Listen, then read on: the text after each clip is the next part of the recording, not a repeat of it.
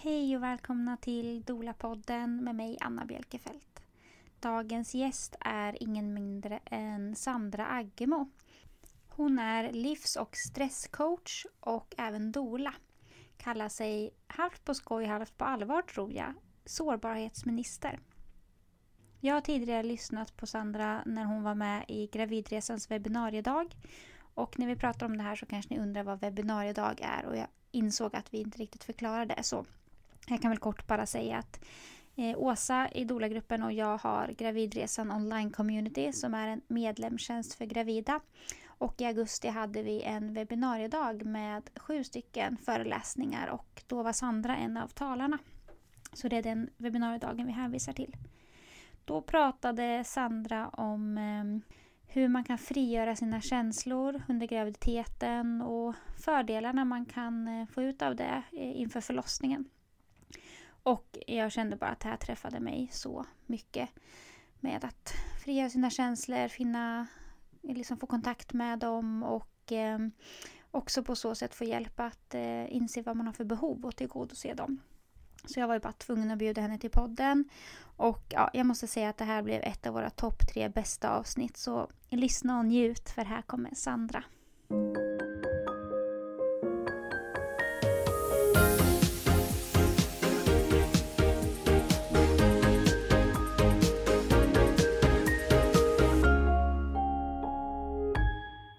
Okej, vi ska börja podda. Ja. Eh, välkommen till Dola-podden Sandra. Tack. Vad kul att du är här.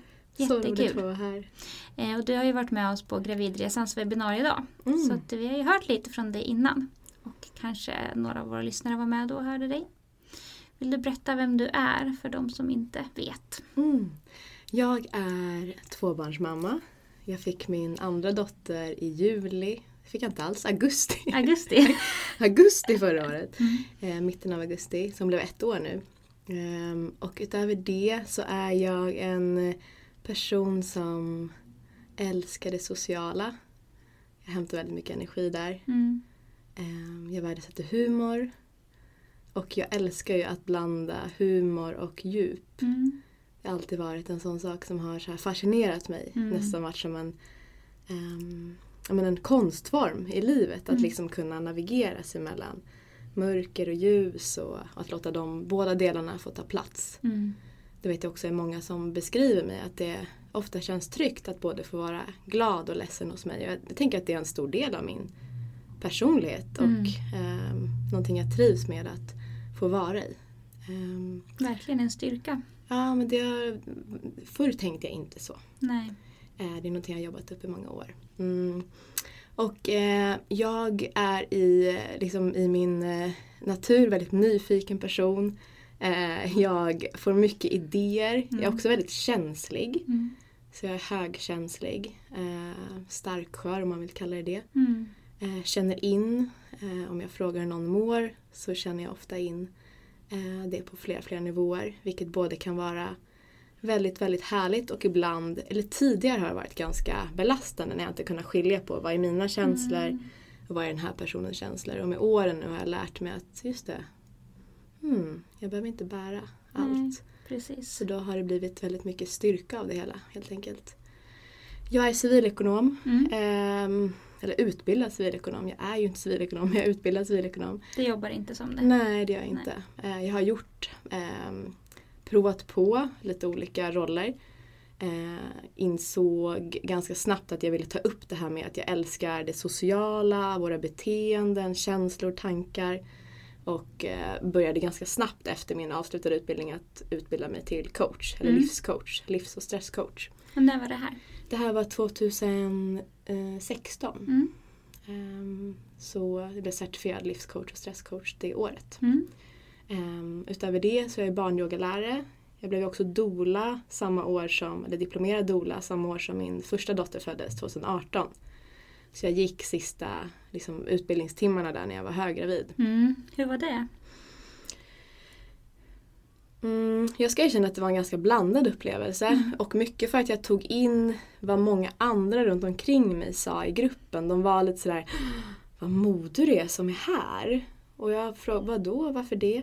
Nej men vi pratar ju ändå om liksom svåra saker också. Vi pratar om dödfödda barn och vi pratar om saker som kan gå snett. Och där insåg jag också det här att jag tror så mycket på, jag tror absolut inte på att förkovra sig i det mörka. Men att ha fått syn på det, att ha vågat mött det också innan en förlossning. Det finns en kraft i det också. Sen Mm. såklart på den nivån man är beredd för och med stöd om man behöver. Men jag tror mycket på att våga möta de rädslor som kanske kommer upp också. Så jag insåg att det var snarare en styrka att faktiskt kunna gå igenom det, vara där. Mm. Ehm, men just där och då fanns det väl liksom, mitt hjärta sa ja, här vill jag vara. Medan mitt huvud tog ibland in andras åsikter och perspektiv och blev lite liksom vacklande. Mm.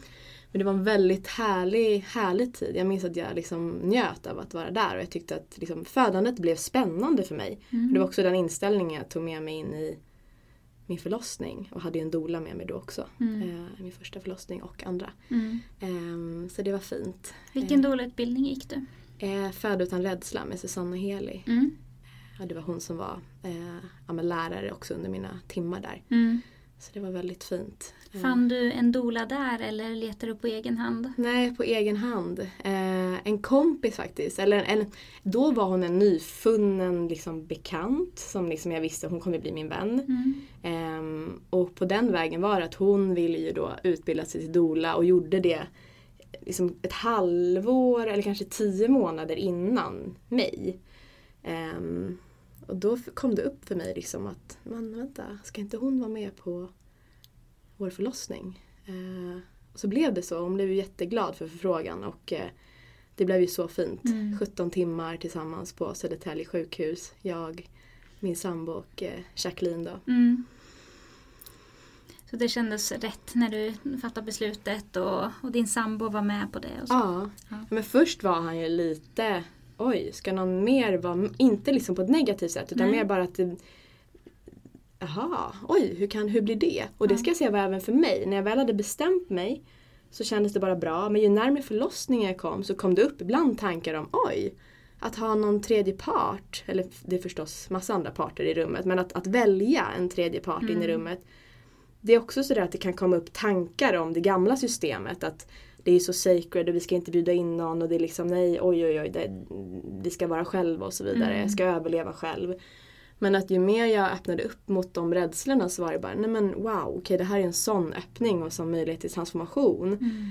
Och främst för mig faktiskt att våga ta emot stöd. Ja. Eh, och det tänker jag är ehm, liksom någonting som vi många är rädda för idag. Att ta emot stöd. Jag tänker också att det är därför vi är rädda för känslor ibland. Ja. För att vi inte riktigt vågar ta emot stöttning i de svåraste situationerna eller i de jobbigaste känslorna eller så.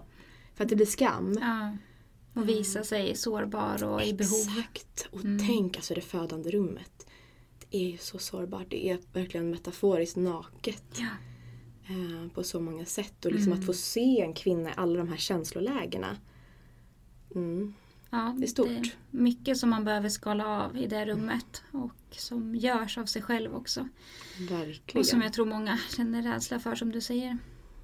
Men jag känner igen det där som du säger att ehm, ja, men man tänker att eh, man ska hålla sig borta från rädsla och under graviditeten så ska man bara peppa sig och stärka sig och vara så stark som möjligt inför det som ska komma. Mm. Ehm, och att många runt omkring också kan behandla en som att eh, man inte är vuxen längre. Utan Mm. så, nej, nej, men tänk inte på det. Och att det blir lite negligerat om man har rädslor. Och, Ehm, jag tror absolut inte på att man ska lyssna på massa hemska förlossningsberättelser. Det ska man ju inte göra under sin graviditet. Men jag tror inte heller att man ska vara rädd för att ta i det som behöver komma ut. Nej, jag, jag tror helt ärligt att det är en möjlighet. Om du är minsta nyfiken på att utvecklas som människa, som mamma, som födande eller som människa. Så tänker jag att alla de här där- de här roaste upplevelserna i livet som vi ibland inte önskar oss. Alltså jag tänker utöver födandet, liksom, det finns massa andra hemskheter som händer. Men jag tänker också att i de här liksom, stunderna så finns det stor möjlighet till transformation. Mm. Eh, för att det väcker någonting väldigt djuriskt i oss. Och det kan liksom komma upp saker. Jag tänker det kan komma upp saker som är väldigt gamla och saker som kanske ibland inte ens tillhör oss. Som faktiskt är kollektiva rädslor. Mm. Så jag tycker att det, det är jättefint om man vill ta den möjligheten att titta på det, vrida, vända. Allt ifrån att sätta ord på det till att liksom ja, men kroppsligen. Jag tänker också så att bli, att träna på att ta emot stöd under, under graviditeten. Att, vad väcker det i mig? Mm. Eh, att våga se på det här och våga ja, transformeras i det. Eh, det finns jättemöjligheter. Mm. Och det här är ju precis det vi ska prata om idag. Mm. Ehm, men vill du berätta lite vad du gör i ditt arbete nu? Mm. Det som mitt eh, arbete liksom mest fokuserar på, eller mitt hjärta är också mest öppet för just nu, det är ju att stötta, eh, coacha, främst kvinnor har det varit. Eh, jag har coachar och coachar män också, men främst kvinnor har det varit de senaste tre åren skulle jag säga. Det är har blivit som en form av känslodola. Mm. Det var någon kvinna som kallade, kallade mig det när jag hade, eh, jag hade Fint. skrivit lite i DM. Och det är så fint att ta med det begreppet dola, så det är egentligen en stödkvinna. Så att, Mm. att, att vara ett stöd i mm, någons känslor. Ehm, att ehm, ibland också prata om vad är en känsla? V- vad händer i din kropp när du känner det här?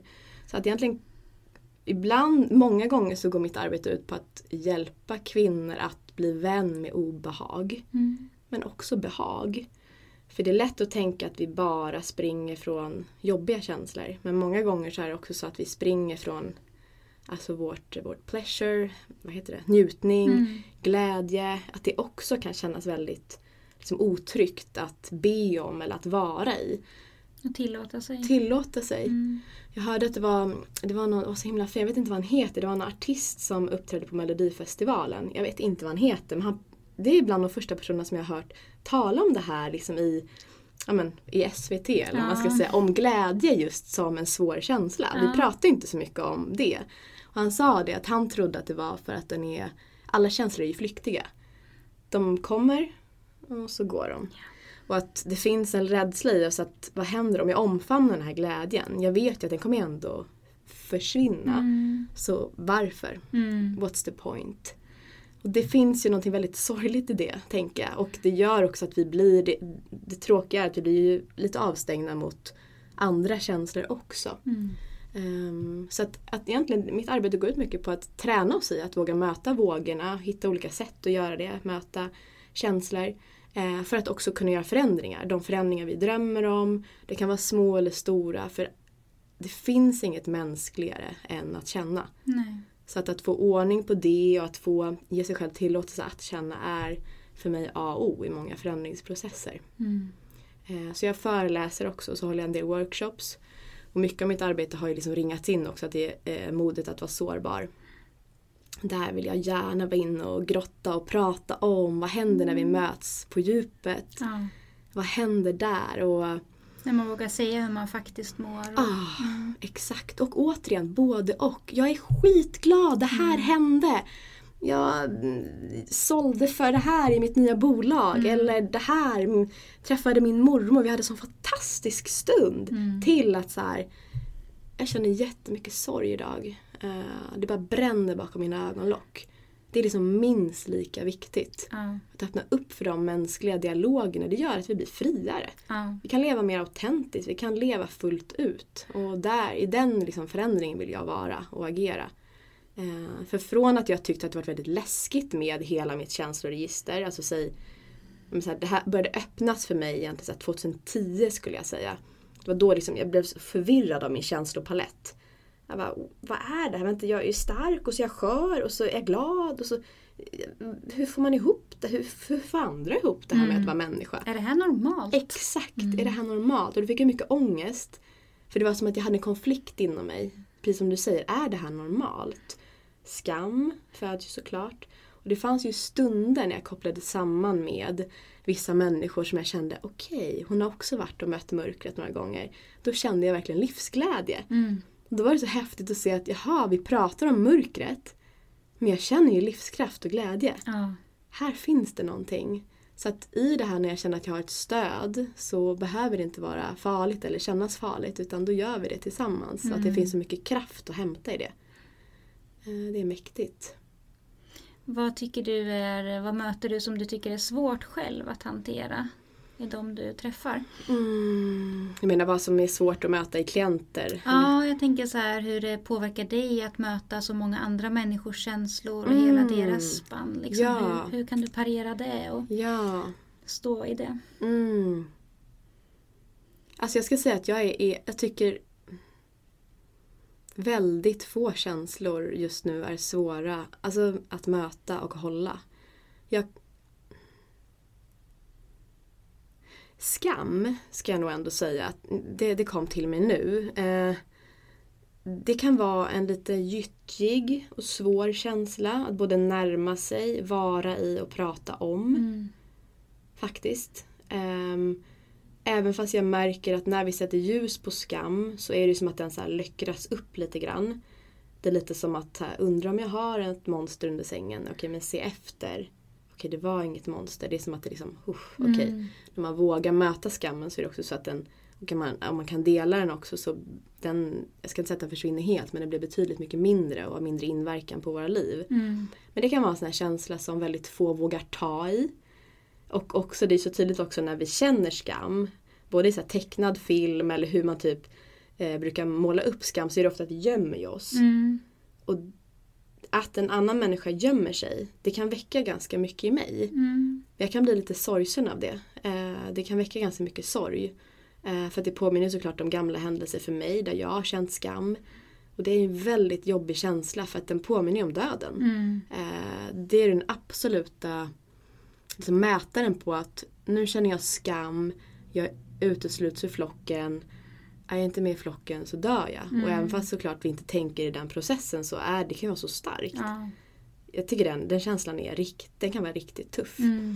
Och också ett tema faktiskt i, i mitt liv just nu som jag mm, kan bara dela. Eh, det kanske är kul för lyssnarna att höra lite vad som är mitt känslotema Mm. just nu och det är skam. Eh, min dotter är jätteduktig på att uttrycka att hon eh, skäms. Mm. Eh, ja, men det där skämdes jag för eller så här känns det. Och jätte, jag är så glad att hon kan sätta ord på det.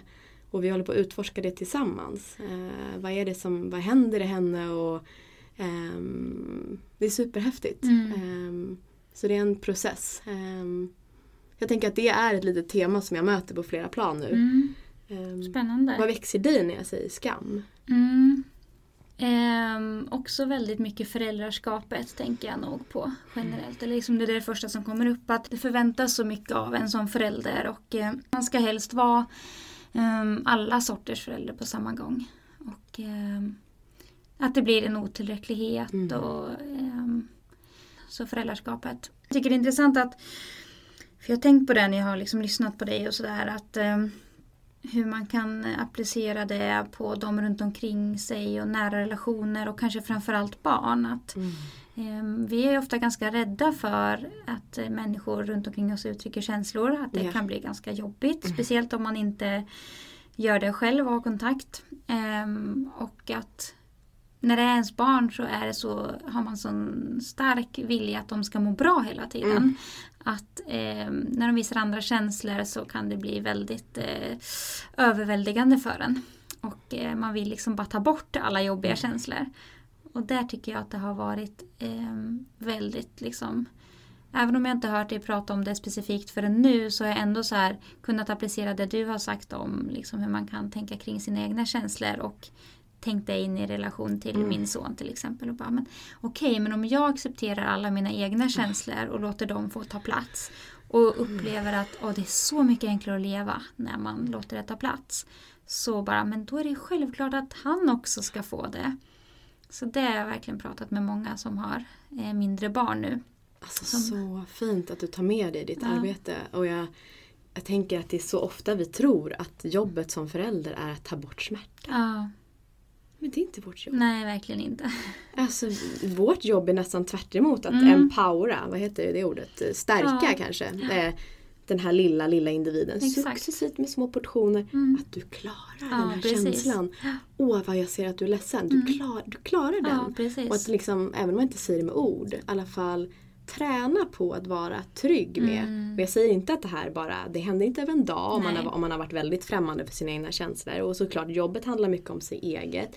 Men det är häftigt när man väl får syn på, okej, Mm. vad händer om jag istället försöker andas lugnt nu när mitt barn känner Precis. ilska eller det är ganska häftigt och ganska avlastande. Ja. För helt plötsligt förstår jag att aha, det fanns inget för mig att fixa här. Nej, exakt. Så Mm. avlastande, Mm. just det ordet. Liksom, att okej, men det här är inte, mitt ansvar är inte nu att fixa det här problemet utan bara hålla det här. Exakt. Eh, och man märker att barnen påverkas ju väldigt snabbt av den inställningen, att Mm. man sw- switchar där. Mm. Det är också väldigt häftigt att se. Att så här, Ja. det är okej att känna de här känslorna. För vi Mm. blir ofta väldigt tidigt matade med så här, Nej, men det där är väl inget att vara arg för. Ah. Och liksom, Verkligen. Att man trycker tillbaks och Mm. att vissa känslor inte är okej. Och, Mm, och stoppar undan. Och det är det som är spännande tänker jag just när vi pratar om det som är temat idag, liksom förlösa känslor. Så är det ju att känslorna är, har ju sin process eller sin naturliga gång. Om det är allt från två sekunder till ibland liksom två minuter. Eh, och ibland såklart blir det loopar av samma känsla fast ofta är det då en, en tanke som kommer emellan av att Ah. den går igång. Men att ehm, det är häftigt att se det som process när vi kommer i samspel med andra människor. För då kan vi också värna om processen och se, okej jag ska inte gå in och bryta här. Vad händer om jag liksom backar lite? Låter det gå lite mer tid? Jag behöver inte vara där på 10 sekunder. För det har jag gjort mycket. mm, Ehm, om jag delar från mitt föräldraskap att jag Åh, vill du dela varför du blev ledsen? Har jag sagt ibland efter 20 sekunder. ja, Men hon, hon, hon har inte varit klar. nej. Hon behöver gå igenom. Hon behöver gå från vibrationen i sin kropp, okej vad händer? Med alla tankar och sensationer som kommer med det. Och bearbetningen av känslan. Det är en process i kroppen. Om jag är där och direkt frågar berätta, dela, vad, vad känner du? Sätt ord på det Sätt nu. ord på det. Det är också en form faktiskt av att trycka undan. Ja, Och det är liksom först nu, kanske de senaste ett och ett halvt åren, det har blivit så tydligt för mig, den praktiken. mm, Att ah, okej, det är så, jag har kunnat prata om det teoretiskt. mm, Men att liksom verkligen se det i sin egen praktik. ja. Hur, hur, hur relaterar du till ditt barns känslor? Hur funkar det för dig? Eh, ja, men jag har också väldigt mycket mm, eh, liksom blivit stärkt av att höra att, ja, men, man, vad man kan ställa för frågor och så. Mm. Man kanske inte tänkt jättemycket på när är det en bra idé att göra det.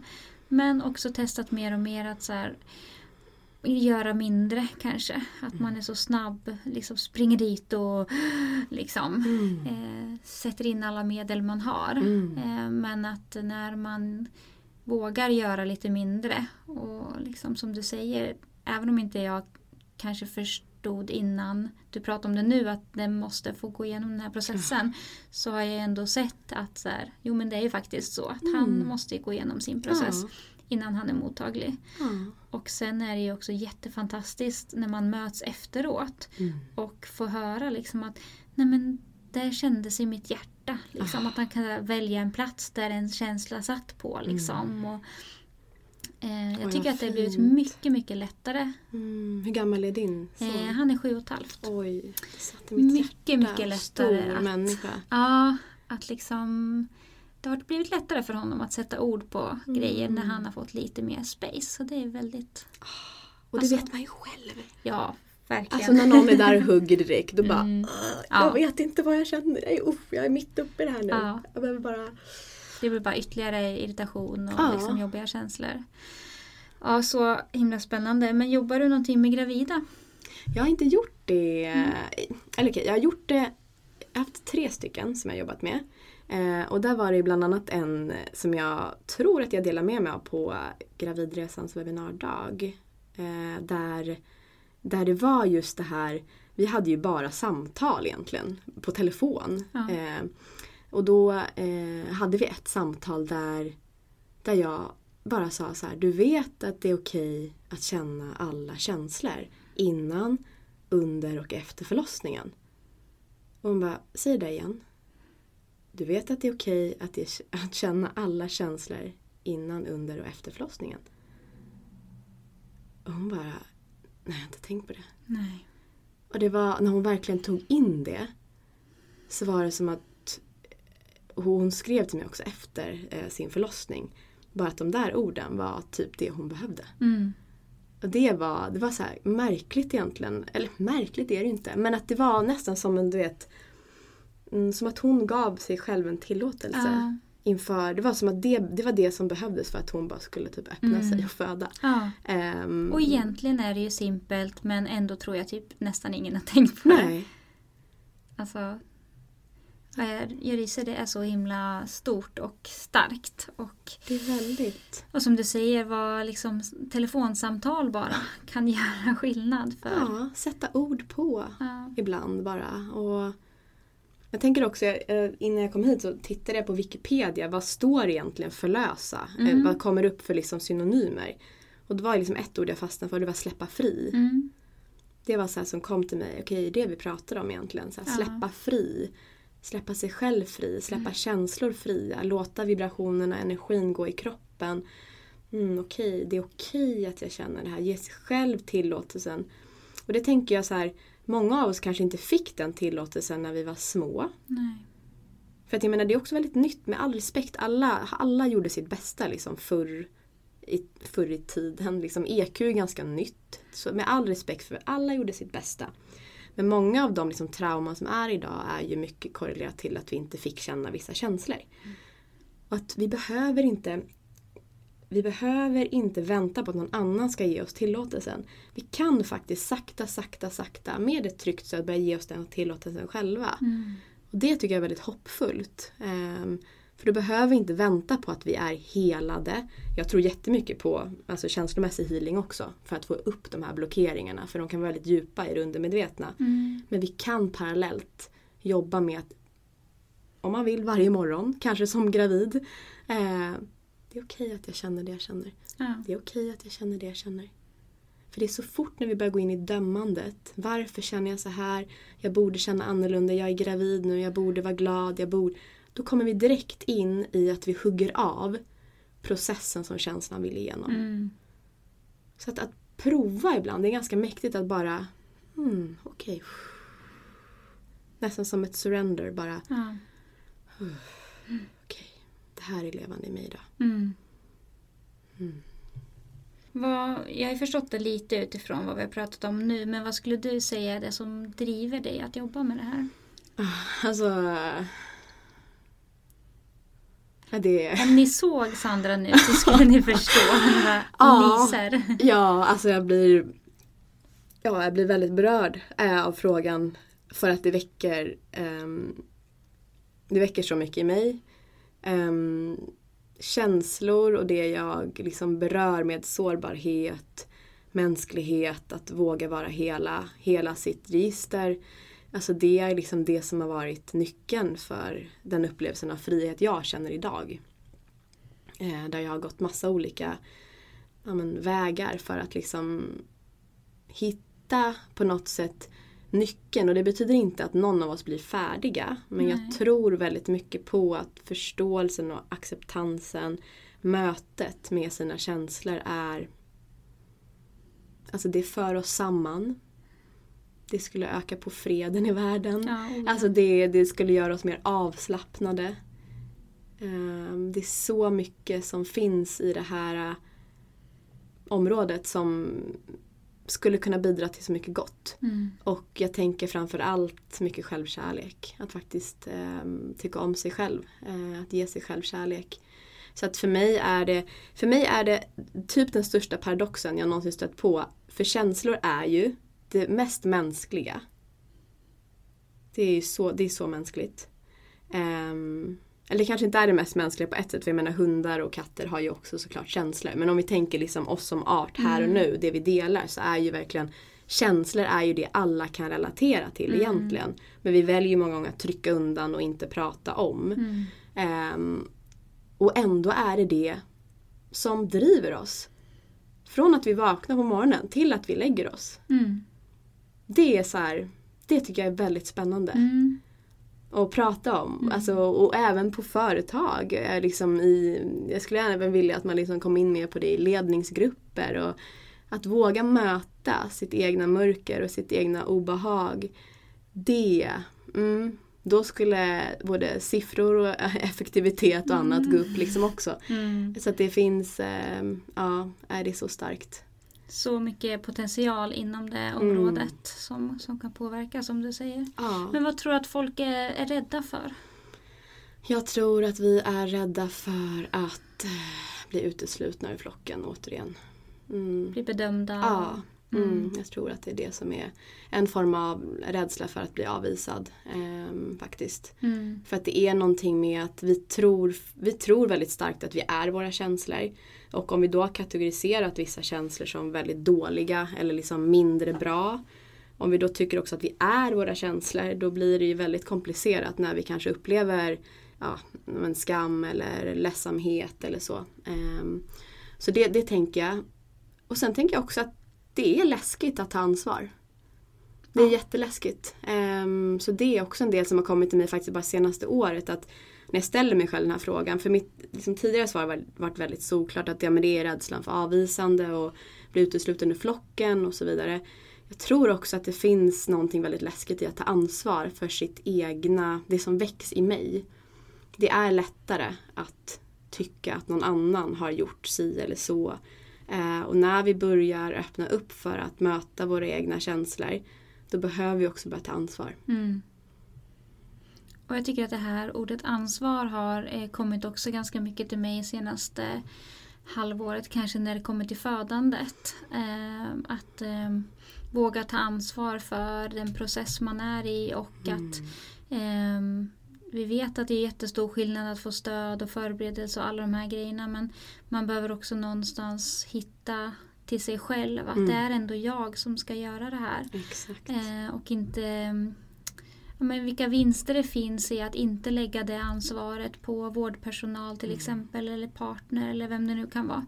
Exakt. Utan att våga axla det. För att eh, det är ändå verkligen där man hittar styrkan. Mm. När man vågar ta det ansvaret och inte tänka att ah, men det löser sig. Eller liksom, det tar det som det kommer. Mm. Det är liksom ganska risky när det kommer till att och föda barn. Speciellt om man gör det på sjukhus eh, mm. som det ser ut idag.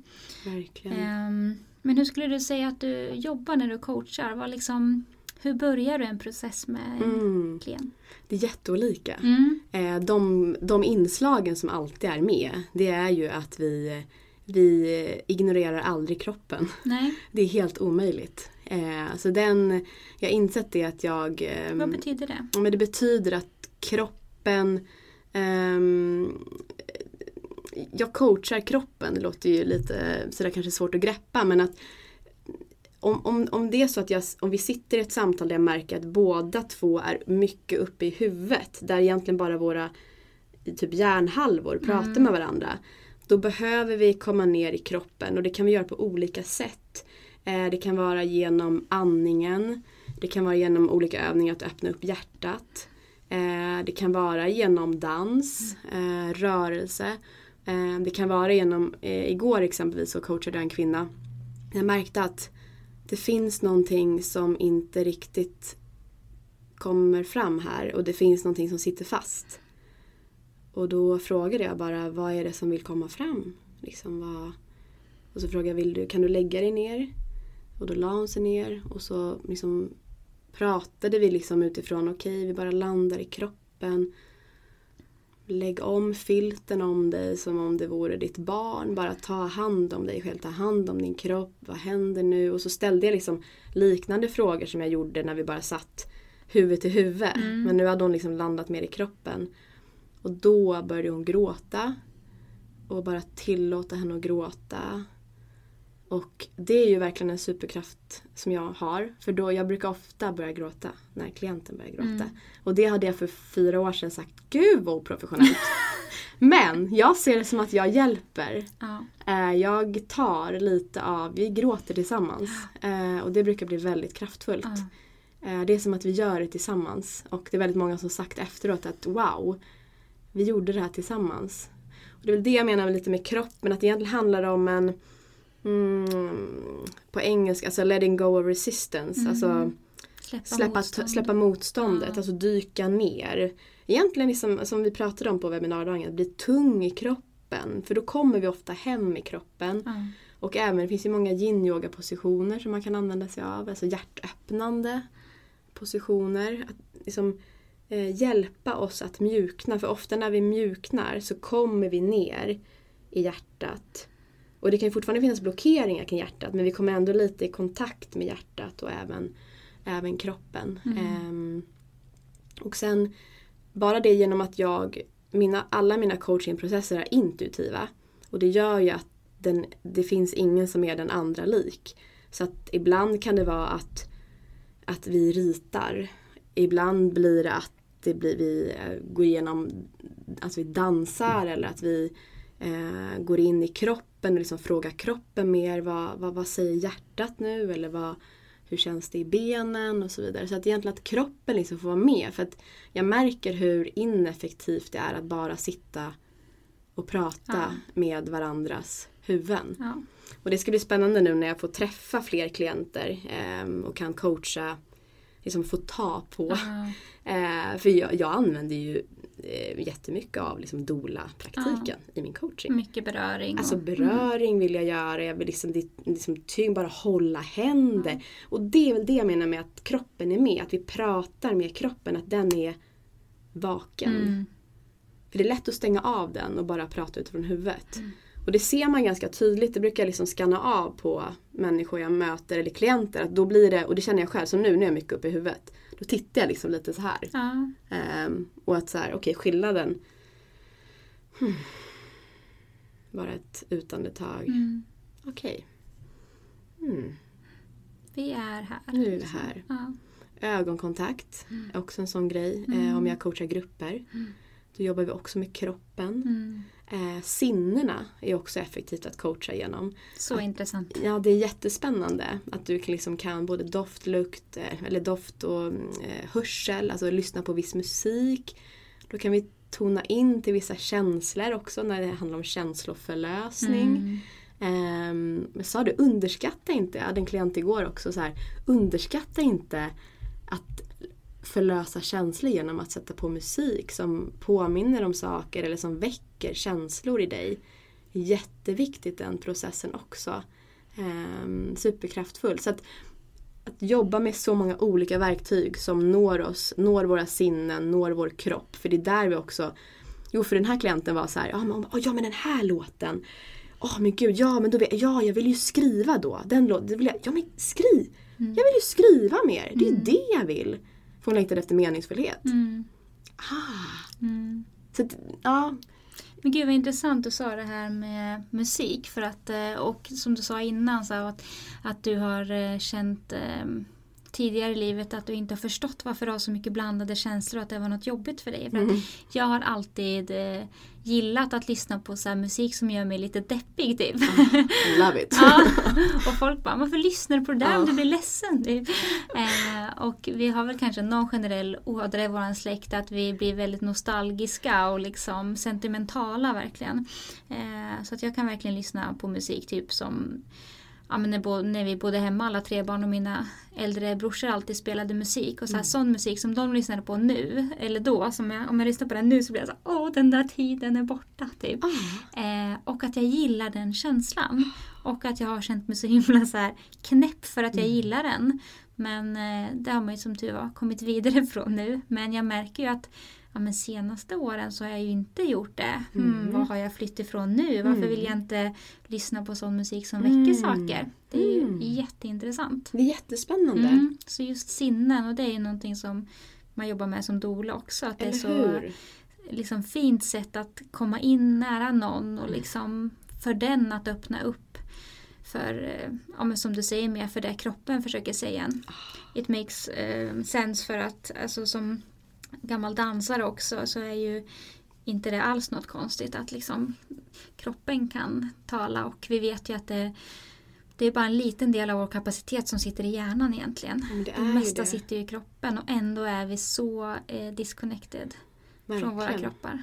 Ja, och det är det. Så våra känslor är ju också i våra kroppar. Det är där, visst, det, det skapas ju i hjärnan men det är ju kroppen vi själva kan registrera. Den här vibrationen som, Mm som den, den specifika känslan liksom sänder ut. Så. Mm.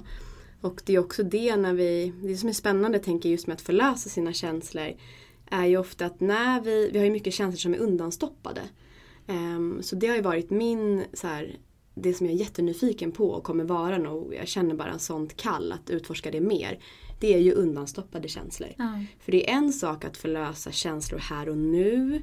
Att bryta känsloreaktioner eller beteendemönster utifrån att lära känna sina känslor mer. För det är också en sak som kommer med att när vi vågar vara närvarande med våra känslor kan vi också bryta destruktiva beteenden. Mm. Det är också en viktig och lära känna våra behov.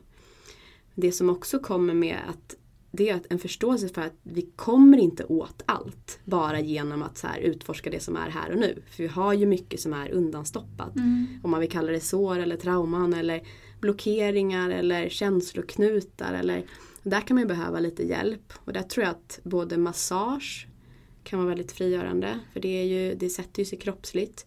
Ehm, och andra typer av liksom energimedicin. Mm. Tänker mycket på eh, emotion code. Ni som är nyfikna på energimedicin kan googla det. Mm. Eh, där går man också mycket in i det undermedvetna för att lösa upp känslor Mm. som inte har fått gå igenom hela processen. Ja.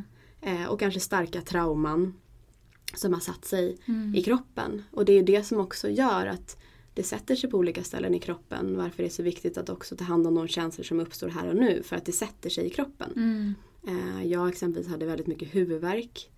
Eh, delvis var ju det också känslor som jag verkligen sprang ifrån. Mm. Eh, så att det, det är så kroppsligt egentligen med känslor. Vi gör det lite för komplicerat ibland tycker jag med känslor för vi tror att vi kan tänka våra känslor och prata mest om våra känslor men vi behöver också våga vara i vår kropp. För det, är Mm. där de, det är där de kan förlösas när vi är med hela den här ibland obehagliga sensationen i kroppen. Om det pirrar eller trycker eller isar eller river vet jag Ja. någon sa. De hade ångest. Det river i bröstet. Det är inte så roligt att umgås med. Nej. Men ju mer man, om man håller någon i handen eller har en terapeut eller coach att kunna umgås med den. Det är också så vi på sikt kan också skapa nya beteenden och liksom möta det här på ja, ett nytt sätt. Och Mm. bli mer vän med obehag för att också kunna möta mer välbehag. Mm. Eh, Superviktigt. Men jag tror jättemycket på liksom, kroppsterapi av olika slag och jag och Åsa, min kollega, har varit en del på frigörande andning. Mm. Jag vet inte, har du mött det eller varit i det? Ja, jag har provat någon gång. Mm. Andningen är ju liksom bara oavsett så vilket nästan koncept det är, Ja. att komma åt den. Det är ju också ett supertips till er som kanske känner att det är svårt att känna vissa känslor och längtar efter och ändå tror på att det finns mycket liksom både visdom och eh, potential, jag tänker både i födandet men också att vara människa, att möta Mm. sina känslor. Så jag tänker att andningen är, det skulle nästan vara mitt hetaste, hetaste tips Ja. skulle jag säga. Kanske att Eh, börja med? Ja, faktiskt. Och det kan räcka med, visst vill du, vill du gå på en klass frigörande andning. Ibland kan det också bara räcka om du inte är bekant med att umgås med din andning. Att faktiskt bara ett par gånger liksom om dagen bara checka in med andningen. Mm. Ehm, och bara Notera den. Notera den, lägga sig Mm. gärna på rygg. Eh, ha en hand på liksom vid naveln ungefär och bara känna in andningen. Mm. Vad tänker du mer Sandra att man kan göra om man är nyfiken på att liksom börja närma sig att eh, komma i kontakt med sina känslor och låta dem ta Mm. plats? Mm. Jag tycker inte man ska underskatta, även fast jag nu säger att vi tänker våra känslor kanske ibland för mycket och vi kanske pratar våra känslor väldigt mycket så tycker jag ändå det finns en väldig kraft i att faktiskt verbalisera. Eh, det tycker jag att prova sätta ord. Ehm, och det man kan börja med att göra då ehm, och jag vill också ge lite bakgrund till varför att sätta ord på kan vara väldigt kraftfullt. För att vår hjärna söker ju liksom ordning och reda, struktur, etikett. Mm. Då blir den lugn. Ja. Så att, att kunna liksom verbalisera och sätta ord på känslor gör liksom att nervsystemet också lugnar sig. Vilket på sikt kan göra att vi kan umgås mer med känslor som har triggat väldigt mycket obehag tidigare. Mm. Om vi börjar lära oss, ah men jag känner skam nu. Jag känner skam nu. Jag känner ilska nu. Det kan liksom lära oss att komma ner och bli lite lugnare när vi är med den känslan. Så att, att sätta ord på, både inför sig själv eh, men också inför andra. Mm. Ehm, för det, det kan liksom, och, och vet man inte ordet, för ibland kan det vara så, jag känner någonting, det känns inte så skönt. Jag känner någonting och det kan typ räcka. Ja. För vi är väldigt kåta, höll jag på att säga, nu sa jag det, på att hitta rätt ord. Ja. Nu ska jag hitta rätt känsla, ord för den här känslan. Men ibland kanske det bara räcker så här. ehm, jag brukar tänka i antingen färger, Eh, jag vet att de gör sådana modeller ibland i forskningen. Att då har man liksom rött fält, blått fält, grönt fält och gult fält. Så här, är man liksom färg, färglagd, eller mm. säga, om, man är, om man är lagd i att man ser färger så kan man liksom tänka att det röda då har vi den kraften, så här, ilskan, det är liksom hög energi och lite obehagligt. Mm. Liksom, mm, frustrationen. Det blåa det är med is. Depressivt, alltså låg ton, det är ganska stagnerat. Och så har vi liksom det gröna som är mera men kanske fridfullt och även det gula. Så man kan välja ibland att se färger mm. om man mm. vill det. Sen kan man också, och då kan man ju eh, prova att förklara, men det känns liksom eldigt eller rött här. Ja. Eller det isar här eller det känns behagligt så. Men sen kan man också prova att eh, egentligen bara så definiera typ, har jag hög eller låg energi? Och Känner jag mig tillfredsställd i kroppen eller otillfredsställd? Mm. Så bara tänka en sån, en sån så här, är det hög eller låg energi? Känns det behagligt eller obehagligt? Det kan också räcka. Mm. Jag känner mig lite låg på energi och det känns inte så bra. Mm. Punkt. Och typ nästan, och är man själv och inte delar med någon då kan man också nästan säga till sitt undermedvetna så här och jag är nyfiken på att ta reda på vad det här är. Jag behöver inte veta just nu det är okej att jag känner så här och jag är nyfiken på att veta vad det här är. Mm. Så vi behöver inte heller vara så hårda med att så här, nu ska jag hitta de rätta orden. Så att är vi i början på resan att faktiskt bara göra den här incheckningen. Antingen i färgkategori, liksom hur, för vissa är ju väldigt färg, alltså mm. färg, alltså man tycker om att tänka i färg. Och vissa mer i kanske en liksom just det här låg hög energi eller välbehag, obehag. Mm. Um, och det tänker jag är en grej. Och sen vissa tycker om att skriva. Eh, att faktiskt eh, ta för vana att göra en känslodagbok. Eh, vilka känslor har jag känt idag? Vilka känslor gissar jag att jag har undvikit idag? Eller vilka energier har jag undvikit idag? kan man liksom eh, ha, men ha fyra eller fem frågor där man för att också hur känns det i kroppen just nu? För mycket handlar om att komma ner i kroppen. Mm. Eh, det är en sån sak eh, som jag tycker är väldigt eh, kraftfull att börja i. Mm. Um, och att ta, bara tala med någon. Att få man skulle ju kunna, det kom till mig nu, man skulle liksom kunna fråga en vän eller sådär och bara Skulle jag kunna få prova prata om det här med dig? Det här känns svårt men skulle jag kunna prova prata om det här med dig? Det är också en väldigt fin start för då, då vågar vi gå in i det där som är lite jobbigare. Mm. Um, och ibland tror jag också att, eh, att bara stanna upp när du får en fråga, hur mår du? I ett tryggt ett sällskap där du känner dig trygg. Och bara vänta några sekunder. Precis. Mm. Inte bara direkt säga bra. Exakt. Och välja de relationerna, för det är ju också en gåva att få ge ett ärligt svar till någon. För den relationen fördjupas ju. Så att, att våga checka in helt enkelt, att våga stanna upp. Och det kan ju också vara någonting som känns främmande för allt går väldigt fort idag. Mm. Men stillheten är ju verkligen en förutsättning för att komma i kontakt med... Egentligen tycker jag allt det handlar om att bli känslomedveten. Och det är väldigt likt att bli kroppsmedveten. Mm. Väldigt, väldigt likt. Att koppla på liksom sinne, kropp. Eh, våga tona in. Och egentligen kan man jag tänker vi pratade lite om dyktekniken på eh, webbinardagen där. Att där är ju jättefin att, att bli tung.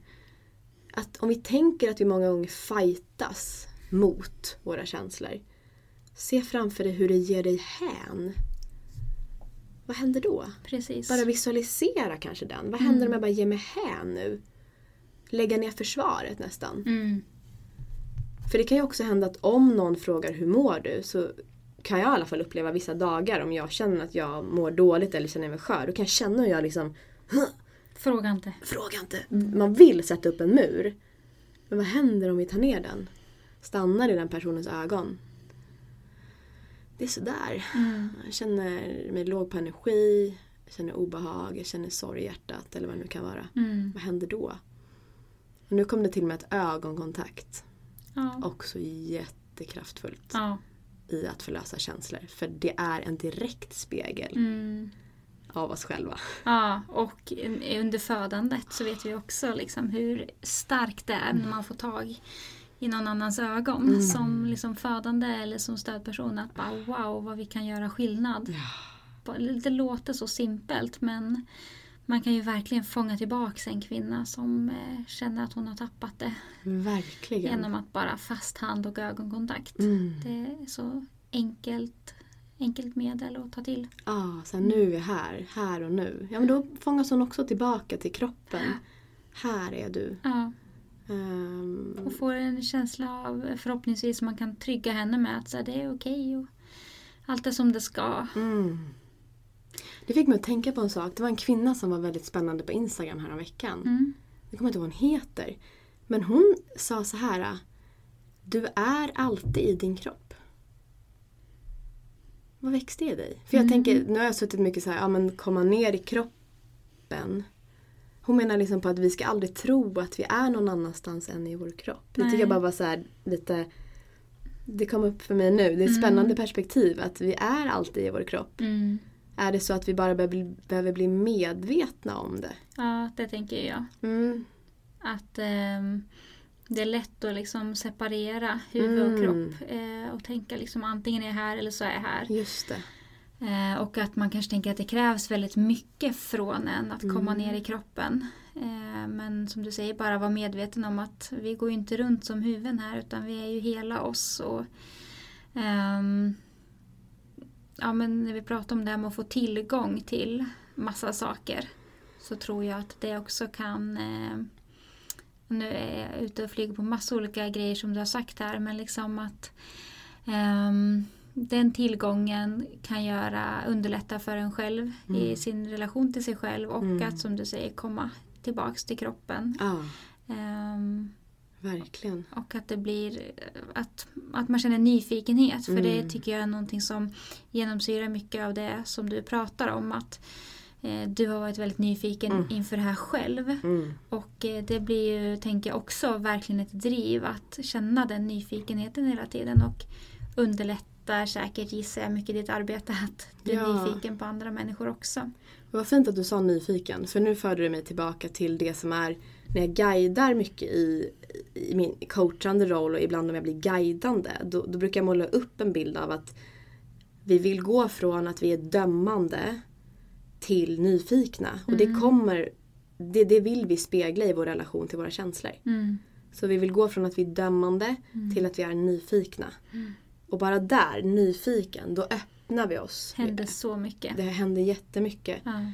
Så att bara den rösten eh, kan vi liksom träna upp på olika sätt. De tankarna kan vi, kan vi liksom våga varsamt möta. Mm. Okej, intressant. Här är någon som liksom vill döma mig i att jag känner så här eller inte. Mm. Vad händer då? Hur kan jag träna upp mig själv på olika sätt? Att mjukna inför eh, mig själv och ge mig själv kärlek i de stunderna när det är svårt. Super utmanande många gånger. Eh, men det är väldigt effektfullt. Mm. Jag tänker också att bli medveten om sina försvar. Jag menar, har du något sånt där som du brukar göra? Typ om du känner att du har jobbiga känslor som du inte riktigt pallar ta itu med. Brukar Ja. du ha någon go-to-strategi? Ja, men alltså, jag känner ju igen det här som du säger att man bara vill sätta upp en mm, liksom, vägg och bara blir Mm. jätteirriterad för att de frågar en egentligen väldigt snäll fråga. Eh, så det är ju ett sätt liksom, att hantera att bara bli irriterad. Mm. Eh, och det beror så himla mycket på vem det är. Det är lättare att eh, sätta upp den muren mot de närmsta som man Mm. har såklart. Eh, Men också kanske att man förtrycker det lite om man är bland människor som, där man inte känner sig helt trygg. Eh, och det leder ju ofta till, liksom, i alla fall i mitt fall, att man mer får ångest. Att man Ah. så håller tillbaks alla de grejerna som man, alltså det kanske hade räckt att bara sätta ord på det. Just det. Eh, Ja, för det är spännande. Hur förtrycker du det? Hur, hur Mm. upplever du det? Är det liksom en kroppslig process eller är det mer Vill du beskriva hur det, hur det går till Mm. för dig? Det är så olika. Svårt att liksom säga men Mm. jag skulle nog säga att det är väldigt mycket på en intellektuell nivå. Ja. Att man liksom tänker liksom att Mm. nej, men det här är ingen bra idé att dela nu och jag orkar inte dela med det. just nu. Och så så att, eh, man, jag tänker det men man märker, eller jag märker också att det sätter sig i kroppen liksom på olika sätt. Och förlösningen skulle ibland i sådana sammanhang skulle kunna vara att sätta ord på. Mm. Ja. Mm. Mm. Men vi lär oss så tidigt också som vi var inne på att liksom vad som är rätt och fel och vad som är bra och dåligt. Och eh, det där har jag tänkt på mycket liksom också i min relation till min son och eh, i relation till födandet också. Att det skapar väldigt mycket hinder för oss att hela tiden värdera på det sättet. Ehm, det gör det väldigt jobbigt många gånger i stunder där det inte skulle behöva vara så jobbigt. Eh, så det tänker jag att man kan fundera lite i sin relation också till sig själv som Mm. är det mycket vi är inne på nu. Hur man kan liksom vara snäll mot sig själv och Mm. inte hela tiden bedöma saker.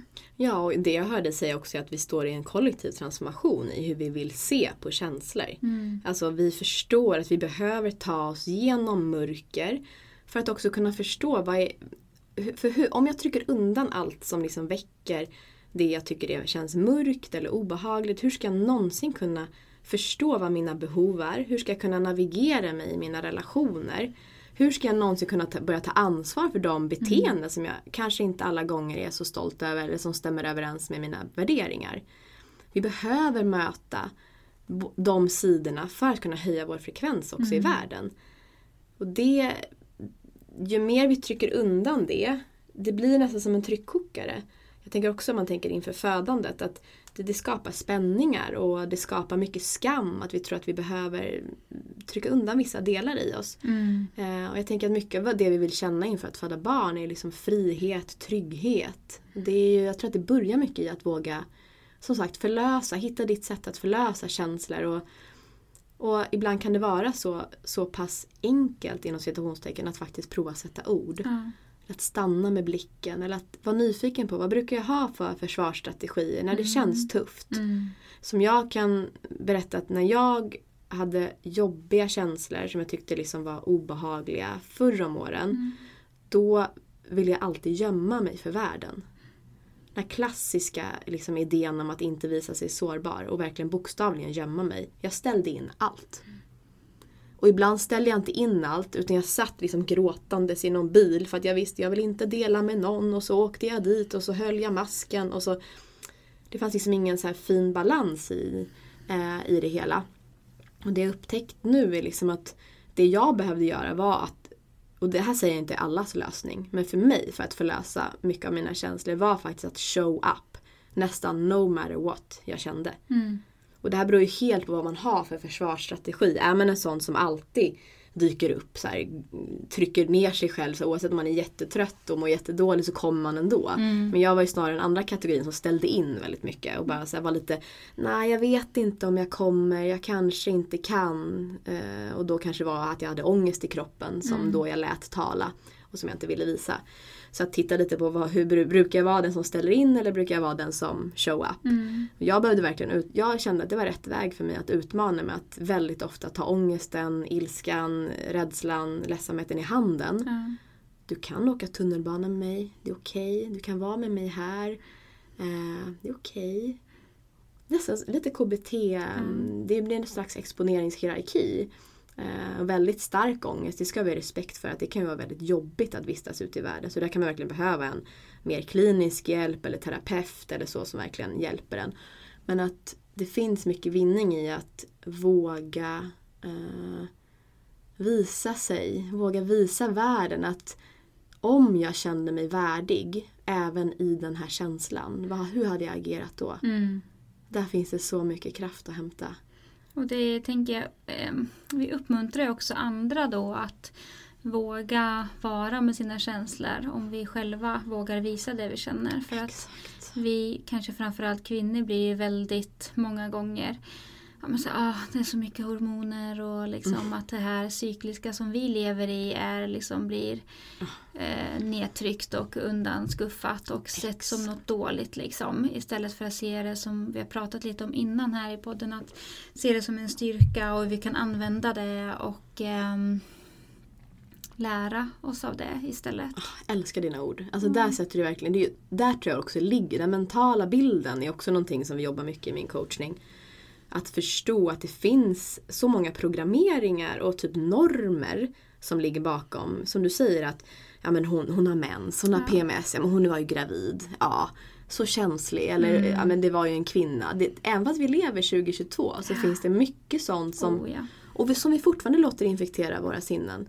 Och där ska jag säga att, för det låter som att jag menar mest mot män, men jag ska säga att det finns väldigt mycket syrlighet ibland kvinna mot kvinna också. Absolut. Eh, faktiskt, så det ska vi inte glömma. Eh, och även där jag har fördomar själv. Mm.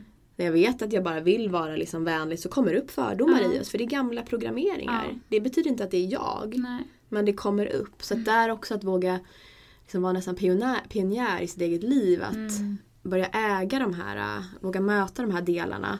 Ehm, och med såklart hjälp om man vill. Eh, för det kan vara svårt att Mm. möta alla de här olika delarna och olika känslorna. Eh, men så viktigt att, att se att det är en så stor del av befolkningen som lever i en cykel. Mm. Det är inte fel. Nej. Eh, Nej, och som sagt potentialen är det och liksom styrkan är det. Och, otrolig potential. ja, och inte försöka liksom eh, platta till och jämna ut allting. Liksom. Det blir väldigt tråkigt också. Verkligen. Eh, vi har ju pratat lite om att liksom eh, varför det är bra att eh, förlösa eller frigöra är ett bra ord också, sina känslor Mm. liksom rent generellt. Och Mm. Jag tror att många förstår liksom vinningen av det. Men om vi tänker direkt relaterat till graviditet och födsel. Mm. Tänk, är det liksom något specifikt där som du tänker att det, varför är det bra? Ja, alltså det första som kom upp när jag, när jag fick frågan nu så var det, det var inte någonting jag hade tänkt innan utan det kom nu att så behov kom upp. Mm, hur menar du? För jag tänker att om vi pratar om att förlösa och frigöra, vi skulle också kunna säga möta Mm. på ett sätt. Liksom möta våra känslor i hela processen. Jag tänker om vi vågar vara med vår känsla som är en fysisk sensation i kroppen. Vara med den liksom hyfsat från början till slut. Sen är det, man vet ju inte alltid men så här, nu känns den lite klar. Där kan vi hämta väldigt mycket information tänker Ja. jag. Att om vi låter gå den från början till slut så kan vi se Okej, nu i den här situationen så kände jag mig eh, men ledsen eller jag kände mig orolig. Okej, vad behöver jag? Hmm. Okej, vad behöver jag nu? Mm. Ah, jag behöver stöd. Mm. Eh, jag behöver ett varmt bad. Mm. Eller jag behöver närhet. Jag behöver vara ensam. Så jag tror också att när vi vågar umgås med våra fysiska sensationer eller våra känslor som vi också kan kalla det. Då får vi information. För jag tror att klipper vi liksom tidigt då är det som att vi också puttar undan det vi faktiskt behöver. Mm. Och jag tror också det nu när du frågade förut vad som kan vara läskigt eller vad det är som gör att vi hindrar oss själva från att känna hela vägen. Det är också för att vi får ju väldigt mycket information om vad vi behöver. Mm. Känslor och behov för mig det är liksom Det är typ Det är samma mynt, Mm. bara två olika sidor. Eh, så då behöver jag också börja ta ansvar för det jag behöver. Gud vad intressant att du pratar om det här just nu. För det är så det, det känns som att det är så aktuellt i liksom många av mina relationer. Att jag bara, åh den personen och den personen Mm. och den personen som man önskar kanske mer sa vad den kände. Och så blir det så tydligt att ja men det, de personerna är heller inte bra på att uttrycka vad de behöver. Absolut inte. Hänger jätteofta ihop. Ja, så intressant. Och jag tänker också, vi pratar ju om det en del att behoven man har när man är gravid eller liksom det som eh, den rösten, magkänslan, intuition, vad man liksom vill använda för ord är ju ofta ganska mycket tydligare när man är gravid än annars. Det är ett sånt ypperligt tillfälle att lyssna in och känna in och förstå och komma i kontakt med. Och som du säger att det kan liksom verkligen öppna upp för en utveckling och Mm. eh, ta sig framåt. Så att det är ju eh, Ja, jag tänker att det är väldigt, väldigt hjälpsamt att Verkligen. använda den tiden för er som lyssnar som är gravida. Att så här, okej, men vad händer om jag kommer i kontakt med de här känslorna och hur känns det att eh, försöka tillgodose mina behov? Ja. Först förstå dem och hitta vad det är för behov men också eh, för det tycker jag att jag möter hos många gravida. Att så här, vad skönt det är när jag förstår vad jag behöver. Mm. Och sen är det ytterligare ett steg att kanske uttrycka det Ja. till andra för man kan inte alltid tillgodose alla sina behov själv.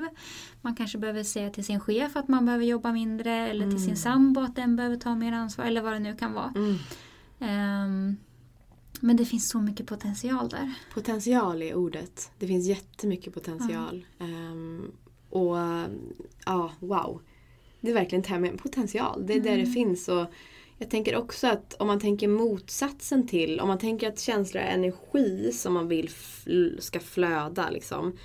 För mig blir det väldigt tydligt mm, om man, om man pratar om att inte möta sina känslor så ser jag liksom framför mig hur men man, så här, man stänger. Exakt. Liksom det blir, nu gör jag med händerna så här, men jag håller Ja. för hjärtat och jag liksom drar upp axlarna.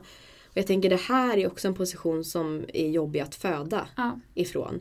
Och det här kanske blir svårt att ta in eller lite flummigt men för mig blir det väldigt metaforiskt att om vi tänker att förlösa känslor handlar om att våga vara liksom tunga, att våga känna känslan, att landa i kroppen, våga känna den hela vägen.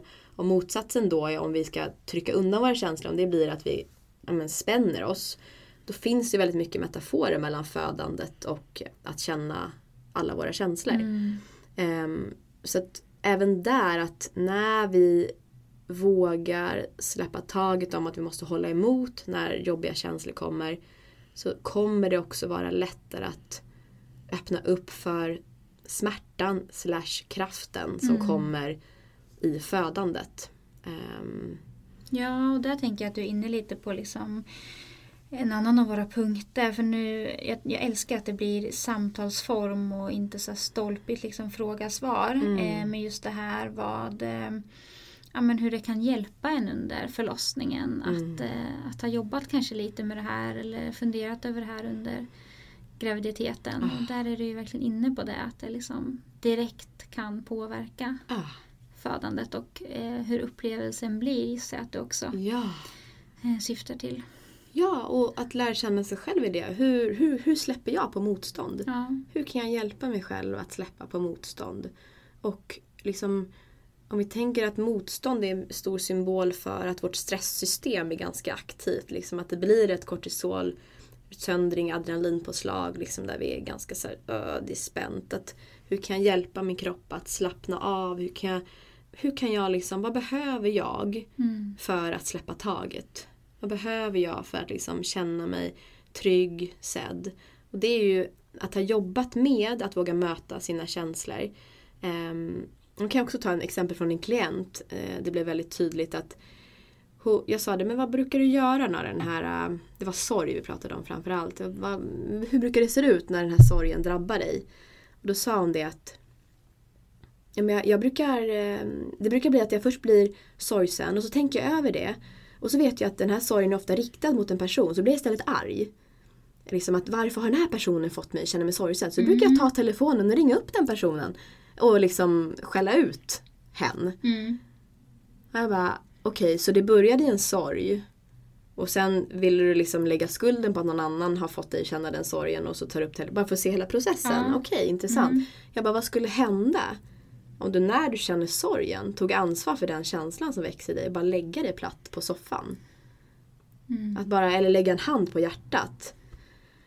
Hmm, nu märker jag att jag känner någonting. Bara den är jättekraftfull. Ja. Nu märker jag att jag känner någonting. Stanna där en stund. Mm. Mm, Okej. Och det... Då har du också möjligheten att få känna en känsla från början till slut. Mm. För ofta är vi snabba med att vi vill ta bort den eller lägga skuld på någon annan. Så att, att surrender, att, att ge upp lite inför att försöka lösa den och istället bara våga känna den. Mm. Där tror jag att alla som lyssnar kan relatera till vad skillnaden kan vara ibland. Ibland i vissa situationer kan det vara svårt. Men många gånger kan man nog se att, aha okej, ja men där täppte jag till lite eller där skuffade jag undan eller okej, hur kan jag våga öppna upp mer här? Mm. Ehm, mm. Ja, och jag tänker som när man som dola eller stödperson också eh, ser att kvinnan är eh, liksom är på väg ner i det här mörkret som man ofta behöver gå ner i och Mm. för att hitta kraft att man eh, kanske då vacklar eller blir rädd eller vill ta bort eh, smärtan eller verkarna eller liksom Mm. eh, rädda tillbaka henne på något sätt. Eh, så där tänker jag att man kan ha väldigt stor nytta av det också som doula eller stödperson. Att så här, Okej, men hon behöver gå igenom hela den här processen och att själv inte bli rädd då. Ja. Och, eh, och jag tror att om man inte har reflekterat över eller arbetat med det själv så tror jag att det kan bli väldigt, väldigt jobbigt för om, om jag tänker då på dolor som, Exakt. som jag liksom utbildar och jobbar med och eh, är i den liksom världen så tror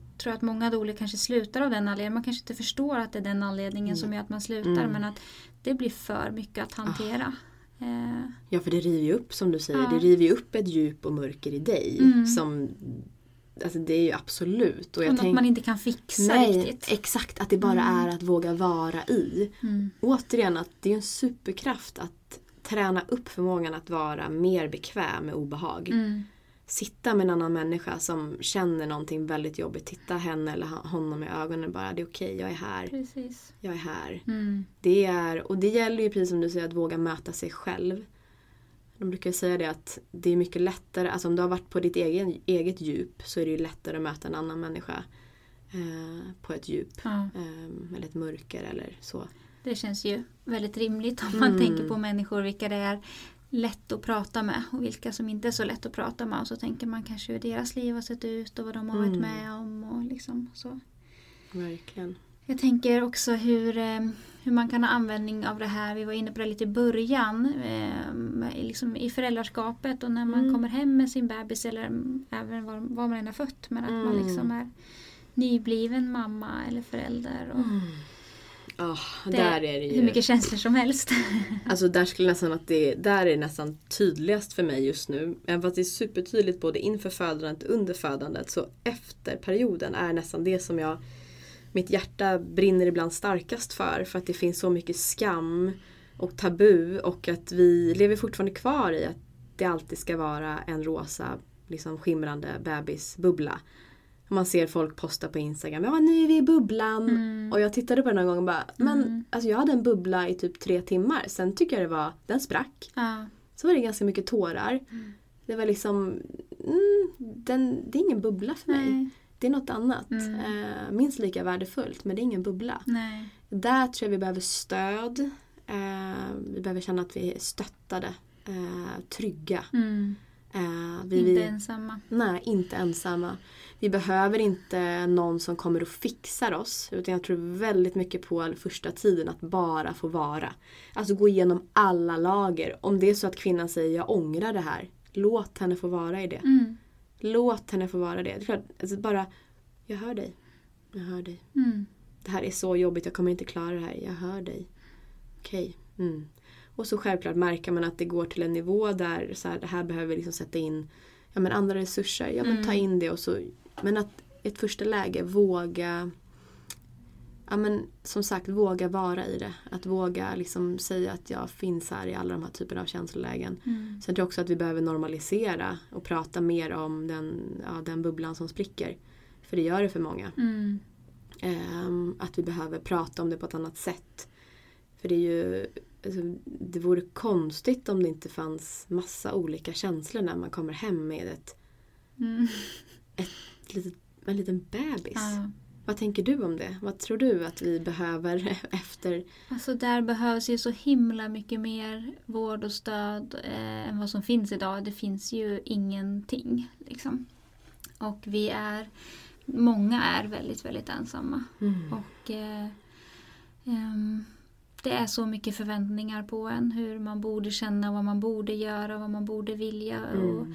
Vilka känslor man borde ha kring barnet och att själv ha blivit förälder och sådär. Att det Exakt. är extremt mycket normer. ehm, Mm, precis, vad borde jag känna? Ja, Mm. och att eh, jag tror att väldigt många inte alls känner att de kan leva upp till det eller skriva under på det. Och då blir det återigen skam och skuld och Mm. sorg och besvikelse och klanka ner på sig själv. Och, ehm, så att jag tror att det är mycket, mycket lättare att möta och hantera det som kommer i den liksom, fasen. Mm. Om man också har återigen jobbat med det redan Mm. innan. Jag tror också det. Och har känt att eh, både graviditeten och förlossningen var en tid där det var tillåtet. Mm. Eh, för just den här liksom, tillåtande miljön tror jag att Exakt. gravida och födande och nyblivna mammor är i så stort behov av. Mm. Eh, och eh, det är ganska snävt nu hur, Mm. hur man ska föda och hur det ska kännas. Och att man ska försöka hålla sig borta från rädsla och ehm, saker som känns läskiga. Mm. Men eh, jag tycker att det, ja. Och vi får verkligen återkomma till liksom potential och att så här, ja, men utvecklingen som kan ske där. Alltså Mm. att man är nyfiken på den Ja. och vågar och liksom se vad kan hända när jag Mm. går dit. Verkligen vad kan hända när Ja. jag går dit. Verkligen. Och det är då vi också får den här berikande erfarenheten av att vi faktiskt inte dog. Nej. Om vi tänker att det kanske är den värsta rädslan, att vi faktiskt blir avvisade, bortstötta och Mm. att vi faktiskt dör. Mm. Eh, det, vi kommer överleva även den värsta känslan. Så det är så viktigt att ha med sig den erfarenheten som du säger och det är väl därför också det är så fint att få öva inför, under eh, en graviditet och Mm. efter förlossningen. Att det, mm, Ja, och eh, vi pratade ju lite om det här, men hur man kan tillåta sig att ja, men känna allt utan att verkligen så fastna i den känslan och att det blir depressivt. Mm. Jag tycker att du har ju berört det ganska mycket, men har du något mer där som du tänker på? mm. För jag tror att många är rädda för det. Att så här, Mm. okej, men om jag öppnar den här dörren nu. Ah, det är ju det. Ja. Alltså det, det, är det, det skulle jag säga är en väldigt vanlig eh, rädsla. Mm. Eh, och då är det nästan vanligare att hamna i det depressiva. Alltså, ja, man gör det ändå. Ja, lite så. För att då blir det att du hamnar i en, du står utanför dörren och bara känner dig ganska likgiltig. Mm. Istället för att öppna dörren, våga gå ner för trappan och så kommer du märka, att det fanns en trappa upp på andra sidan. Mm. Jag behövde vara här en stund men så kom jag upp också. Ehm, så jag skulle återigen säga att det är att våga prova någon gång. Att våga ge sig själv tillåtelsen tillsammans med någon. Att våga känna. För du kommer inte...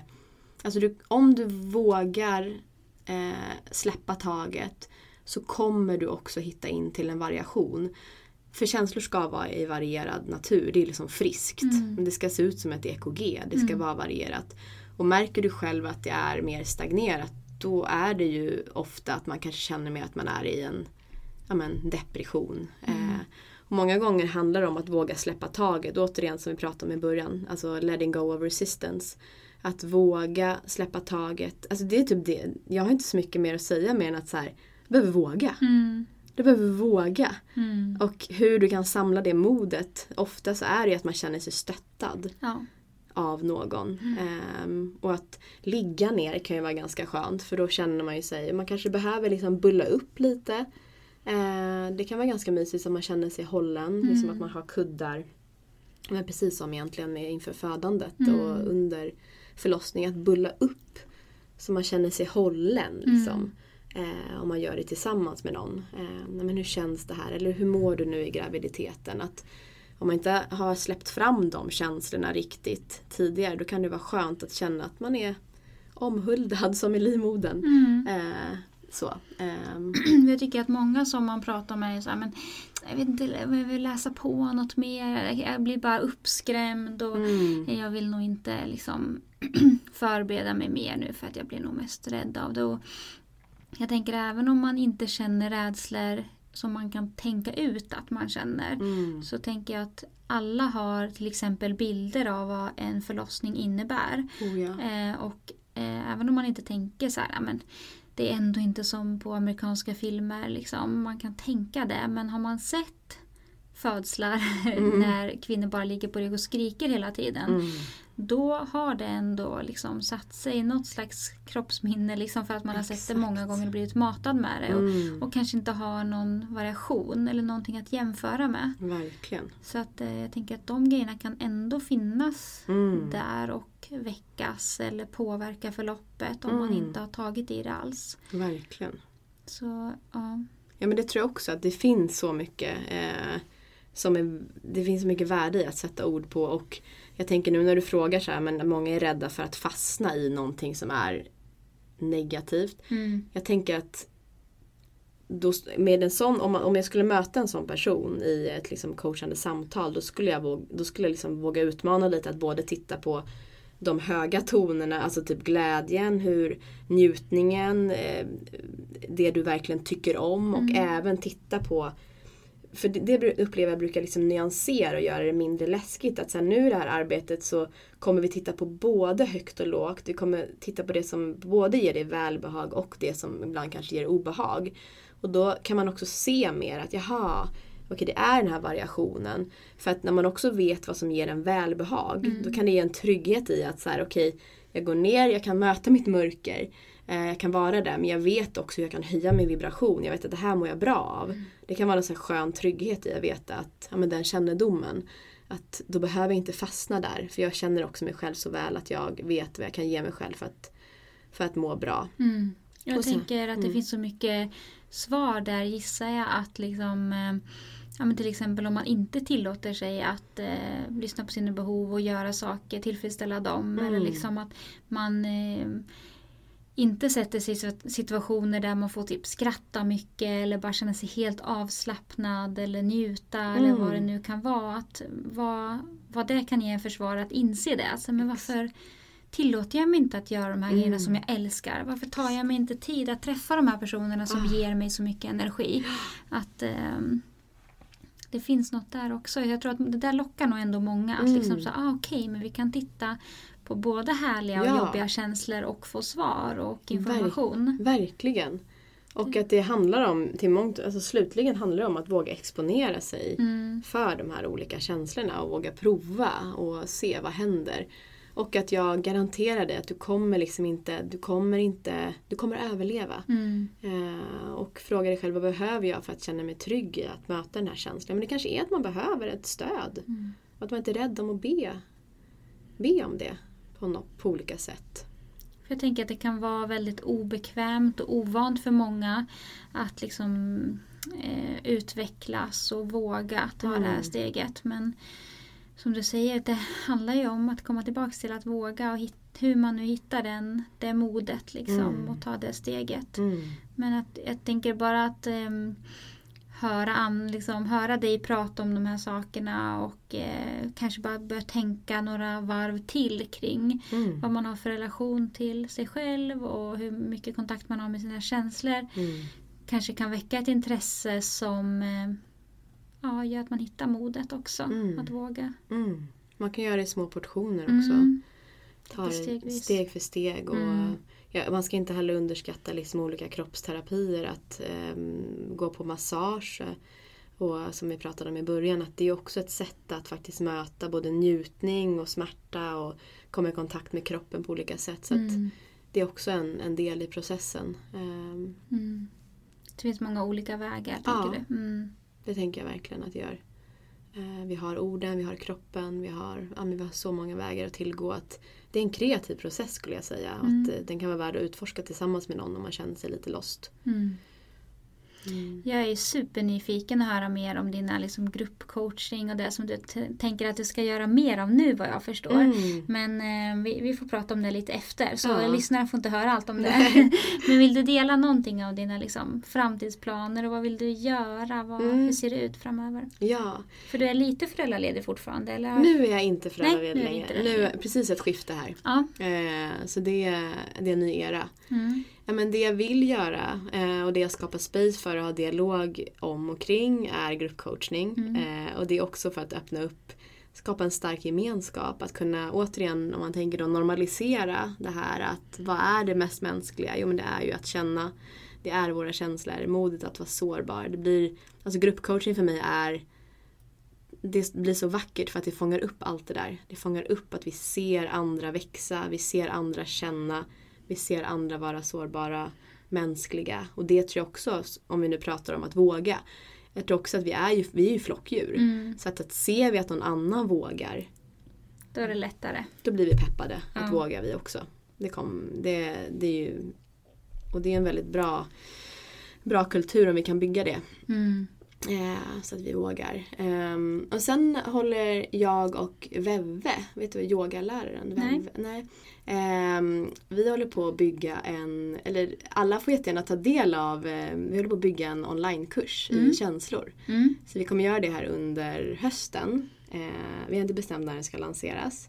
Så där kommer det ju verkligen bli mycket hands-on verktyg och eh, ja, kunskap och ni hör ju med att Veve också är yogalärare så är ju kroppen med. Vi båda brinner väldigt mycket för att ha med kroppen. Eh, vi har tänkt att vara ganska transparenta i processen av den här kursen. Att man också får in liksom de som kommer vilja gå den. Att få prata om men vad skulle du vilja lära dig och vad tänker ni om det här och så vidare.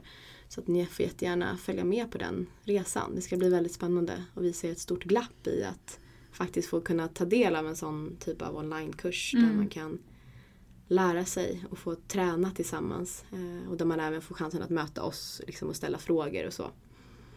Gud vad spännande. Mm. Jag är så intresserad av alla de här, allt som händer när man är i grupp. Det Eller hur? är jätteintressant. Det... Eh, och att vi behöver det mycket, mycket mer i vårt samhälle, upplever mm. jag. Det, det, det, vet jag också mm. att det, så är det. Det, jag tror att det är där vi hittar modet. Det är Mm. där vi liksom kan spegla oss och det är där vi också bygger, jag tänker ny kultur, känslokultur är ju det vi håller på att bygga. Mm. Att vi normaliserar mer att det är okej att gråta, det är okej att känna, det är Mm. okej att vi behöver inte täppa igen och trycka undan. Nej. Ehm, och att träna, träna upp den förmågan tillsammans. Mm. Ja, att det finns ändå kvar de känslorna som man trycker undan. Det är inte som att de försvinner. Nej. De växer nästan i, i det mörka liksom. Ja men de gör ju det. Vill du skicka med något till de som är gravida som lyssnar Sandra? Är det någonting som du tänker att du vill säga till dem? Eller? Mm, du som är gravid just nu. ehm, till dig vill jag skicka med mm, Det du känner just nu har flera tusen andra känt. Du är inte konstig. Mm. Det tänker jag är så viktigt att du bär med dig. Och kanske att du hittar någon i din närhet där du kan få sätta ord på det som är levande i dig just nu. Så du kan frigöra dig från den skammen som håller dig tillbaka just nu. Så att du kan få känna dig helt fri i din kropp och i dig själv. Du är så värdig precis som du är med alla de känslor som kommer med. Och kom ihåg att det bara är energi, så det är inte du. Det är bara energi som vill igenom dig. Mm. Mm. Jag, jag tänker det som du säger nu i relation till det du sa lite tidigare att, eh, att de känslorna behöver gå igenom sin process. Mm. Eh, att, eh, bara att man vet om det. Att så här, Mm. okej, men de, den här känslan måste få bli färdig. Mm. Liksom, och Mm. att tillåta den tiden och, och få gå. Exakt. Berätta Sandra eh, om man vill hitta dig och komma i kontakt med dig. Hur gör man då? Jag blir helt blank nu. Mm. Var, det var som att jag slungades upp i någon... Vad heter jag ens? Mm. Ehm, det bästa sättet att komma i kontakt med mig, jag är väldigt aktiv på Instagram. Mm. Eh, och där heter jag Sandra Agemo. Eh, jag har ett eh, skämtsamt undertitel som sårbarhetsminister. Mm, Det är fint. allvar också i den. Eh, sen kan man mejla om man vill. Eh, och mejladress finns också på min Instagram. Så jag skulle sen, egentligen säga att det är lättast att gå till min Instagram. Mm. Eh, jag har även en Facebook-sida om man nu är mer bekväm med Facebook. Då heter jag Sandra Agemo också. Ehm, så eh, feel free att sträcka ut en hand eller säga vad det här väckte i dig. Eller, ja, det, är, det, är bara, det är bara kul. Jag har mycket dialoger på DMs. Jag är väldigt aktiv där. Mm. Ja, alltså verkligen. Vi vill höra eh, era tankar och känslor och vad som väcktes i er efter det här avsnittet. Både du som är gravid men oavsett vem du är som lyssnar så är det jätteintressant att höra. För att jag, det blir ju som en privat coaching för mig att sitta här. Så det väcktes ju jättemycket. Så snälla dela det ni tänker och känner så blir vi glada. Mm. Tack snälla Sandra för att du kom. Tack för att du höll space. Det var så fint att prata. Mm, Tack. detsamma. Tack.